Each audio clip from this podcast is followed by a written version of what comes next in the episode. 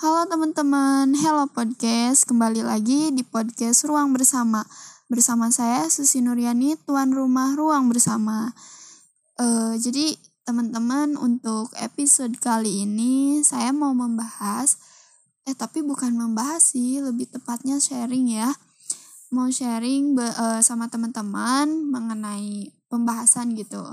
Jadi yang ingin dibahas tuh lebih ke apa sih perubahan yang emang kita rasakan gitu? Kayak kebiasaan kita sebelum WFH dan sesudah WFH itu tuh kayak gimana gitu? Atau work from home ini tuh.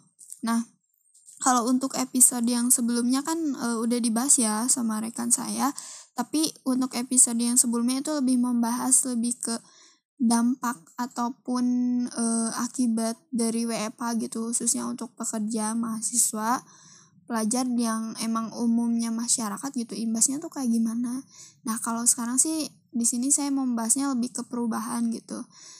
Uh, sebelum dan sesudah dan ya apakah ada yang mengalami kayak kok jadi gini? gitu. Kadang ada yang ngerasain kok jadi beda aja kayak kultur shock kayak gitu yang emang kalau tipe orangnya yang jarang pulang gitu kan kayak bang Toy biar jarang pulang. Nggak kayak emang orangnya senang di luar atau orang-orang aktivis organisatoris. Itu kan emang jarang ya di rumah. Tapi kalau emang orangnya lebih seneng di rumah terus e, bisnis bisnis di rumah ya itu lebih ke ya udahlah nikmati masih masih enjoy gitu. Nah untuk WFH ini sendiri ya teman-teman kan kita tahu eh, dikeluarkannya kebijakan itu sekitar tanggal 15 Maret 2020. Berarti sampai saat ini tuh mau berjalan tiga minggu ya. Nah, bahkan kemungkinan bisa lebih lama lagi sih kalau emang penyebaran COVID-19 ini tuh belum beres. Ya mudah-mudahan cepat kelar lah biar bisa aktivitas seperti biasa.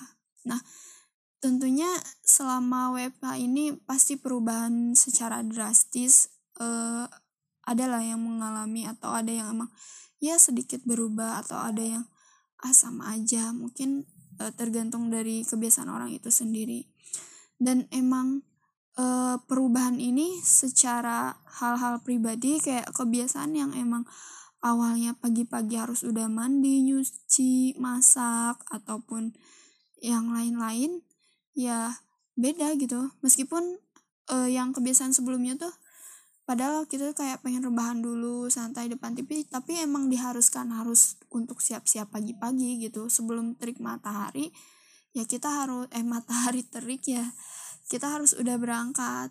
Dan bahkan ada beberapa orang yang emang kalau jarak e, lokasi kerjanya jauh itu pergi gelap pulang gelap. Karena emang misalnya di kantor atau di tempat kerjanya ada lembur dulu kayak gitu sih ya nggak sih kayak nggak beda kan perubahannya tuh. Dan perubahannya juga itu e, terjadi juga misalnya dalam beberapa keluarga yang emang kalau tipe keluarganya itu e, karir semua pekerja keras kadang jarang lah kayak masing-masing. Tapi setelah adanya sistem WFH ini kayak kehangatan keluarga tuh lebih dapet gak sih ya gak sih kayak ngerasain gak sih gitu kan? Jadi karena emang waktu santai sama keluarga tuh ada gitu. Nah itu itu hal yang emang memberikan dampak yang baik lah sistem WFH ini. Meskipun emang ada hal yang negatifnya yang agak bikin sulit juga ada gitu. Nah e, untuk WFH ini sendiri uh, jadi kan kita lebih banyak waktu yang santai gitu kan dengan adanya WFH meskipun banyak mimi-mimi ataupun emang beberapa kayak uh, apa status status ada tingkat yang ngerasa WFH itu niatnya kan mau nyantai tapi dengan banyaknya tugas itu loh kayak ngerasa kok jadi kayak ngerasa dibantai ya?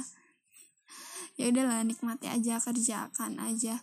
Nah teman-teman dengan adanya sistem WFH ini kita ngerasa nggak sih bahwa ya secara waktu kita punya banyak waktu luang ya terus secara uh, apa kayak kegiatan juga mungkin lebih fleksibel gitu kita emang bisa uh, ngatur meskipun emang ada beberapa kebijakan WFA yang jam kerjanya tuh masih ada yang formal juga ada gitu.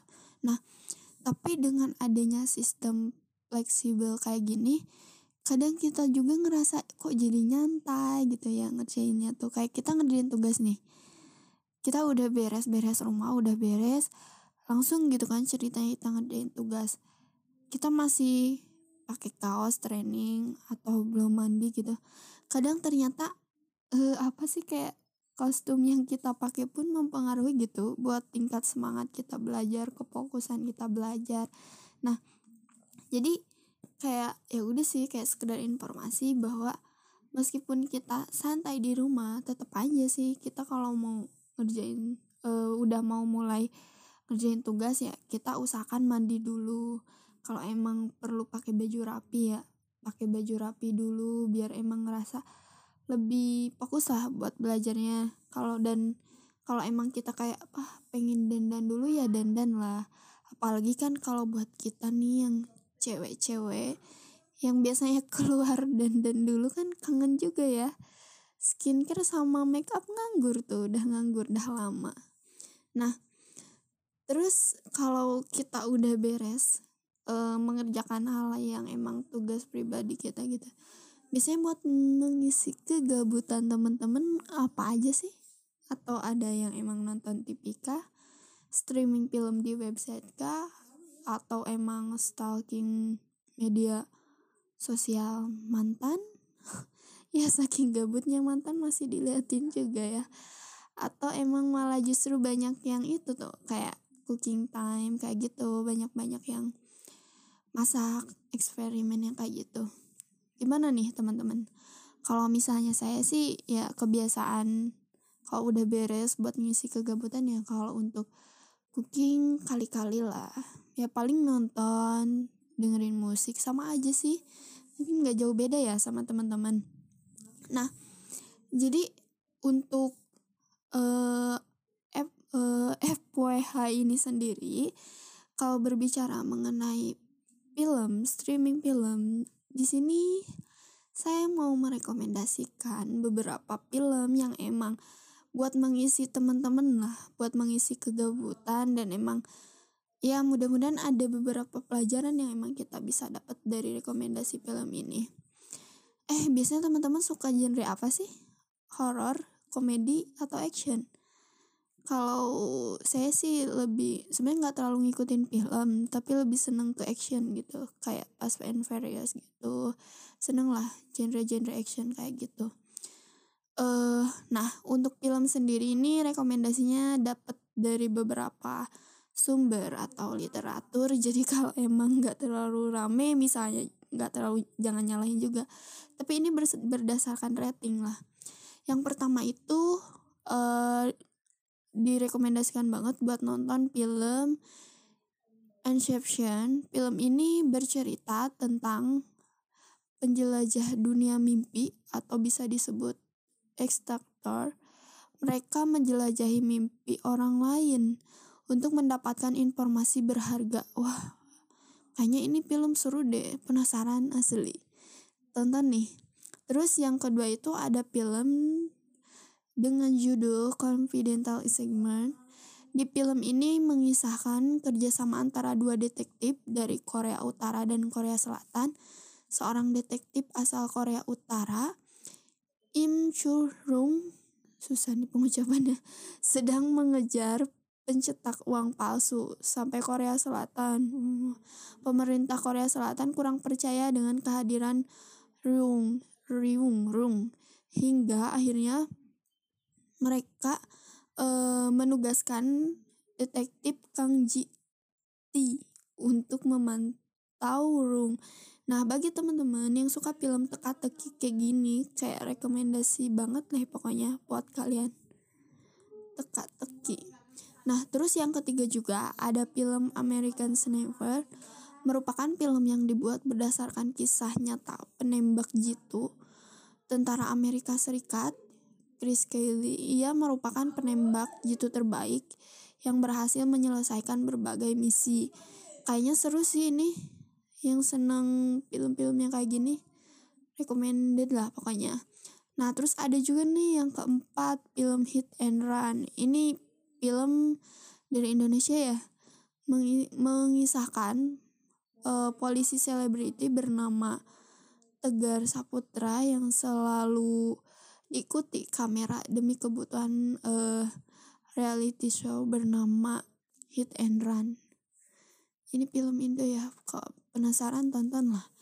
Nah, jadi teman-teman itu film yang emang uh, saya mau bagi dengan teman-teman semua. Nah, dan ini rekomendasi banget untuk nunggu waktu diisolasi diri, mengisolasi atau social distancing, quarantine lah, uh, uh, karantina. Semoga emang benar-benar rekomendasi lah ya. Oh iya, teman-teman ada nggak sih yang kebiasaannya juga tuh selain nonton juga kita malah seneng untuk masak gitu. Kayaknya kalau terus-terusan dilakukan bakal mahir nih jadi chef ya. Tanpa kita sadari justru emang WFH juga memiliki banyak manfaat lah. Salah satunya ya tadi belajar masak. Kebanyakan itu kan e, kebanyakan orang gitu yang tadinya nggak bisa masak bahkan males untuk belajar dan bahkan emang gak sempet kan hari ini malah justru memberanikan diri untuk belajar. Bahkan sampai jadi hobi kan. Keren asli keren. Selain itu juga uh, ternyata emang WFH juga memiliki hal positif lainnya lah. Kayak contohnya waktu dengan keluarga kan emang semakin banyak. Yang biasanya ya yang biasanya kita yang apalagi misalnya entah cewek atau cowok gitu yang biasanya kan curhat itu ke mama doang ya ke mama tapi kan karena sekarang itu uh, ketemu sama ayah mama kakak adik kan emang lebih sering mungkin ya. Jadi kayak curhat ke ayah pun ya masih bisa. Ya enggak sih? Masih ada waktu gitu kan? Emang kan ya ayah uh, kita pun ya di rumah gitu. Bahkan kita kan kayak tersadarkan ternyata kalau emang yang uh, biasa curhat ke ayah gitu ya ayah juga bisa jadi wadah untuk curhat kita. Aduh wadah tempat. Ya intinya banyak lah yang positifnya. Nah teman-teman kira-kira gitu nggak sih? Sering cerita nggak sih kayak ke orang tua gitu? Atau malah emang justru seringnya video callan sama doi karena udah lama gak ketemu untuk mengisi WFH ini tuh. Ya LDRan dulu ya. Pokoknya manfaatin waktumu untuk hal-hal yang positif buat waktu luangmu untuk mengasah kemampuan mengasah hobi dan tentunya meningkatkan lagi kualitas ibadah kita ya. Amin. Mudah-mudahan emang penyebaran COVID-19 ini tuh bener-bener uh, cepet lah beresnya Nah, itu aja teman-teman yang mau bagi di episode hari ini. Ya, ini sekadar curhat lah dikit ya. Dan tadi juga ada beberapa rekomendasi lah. Bisa dicoba untuk ditonton.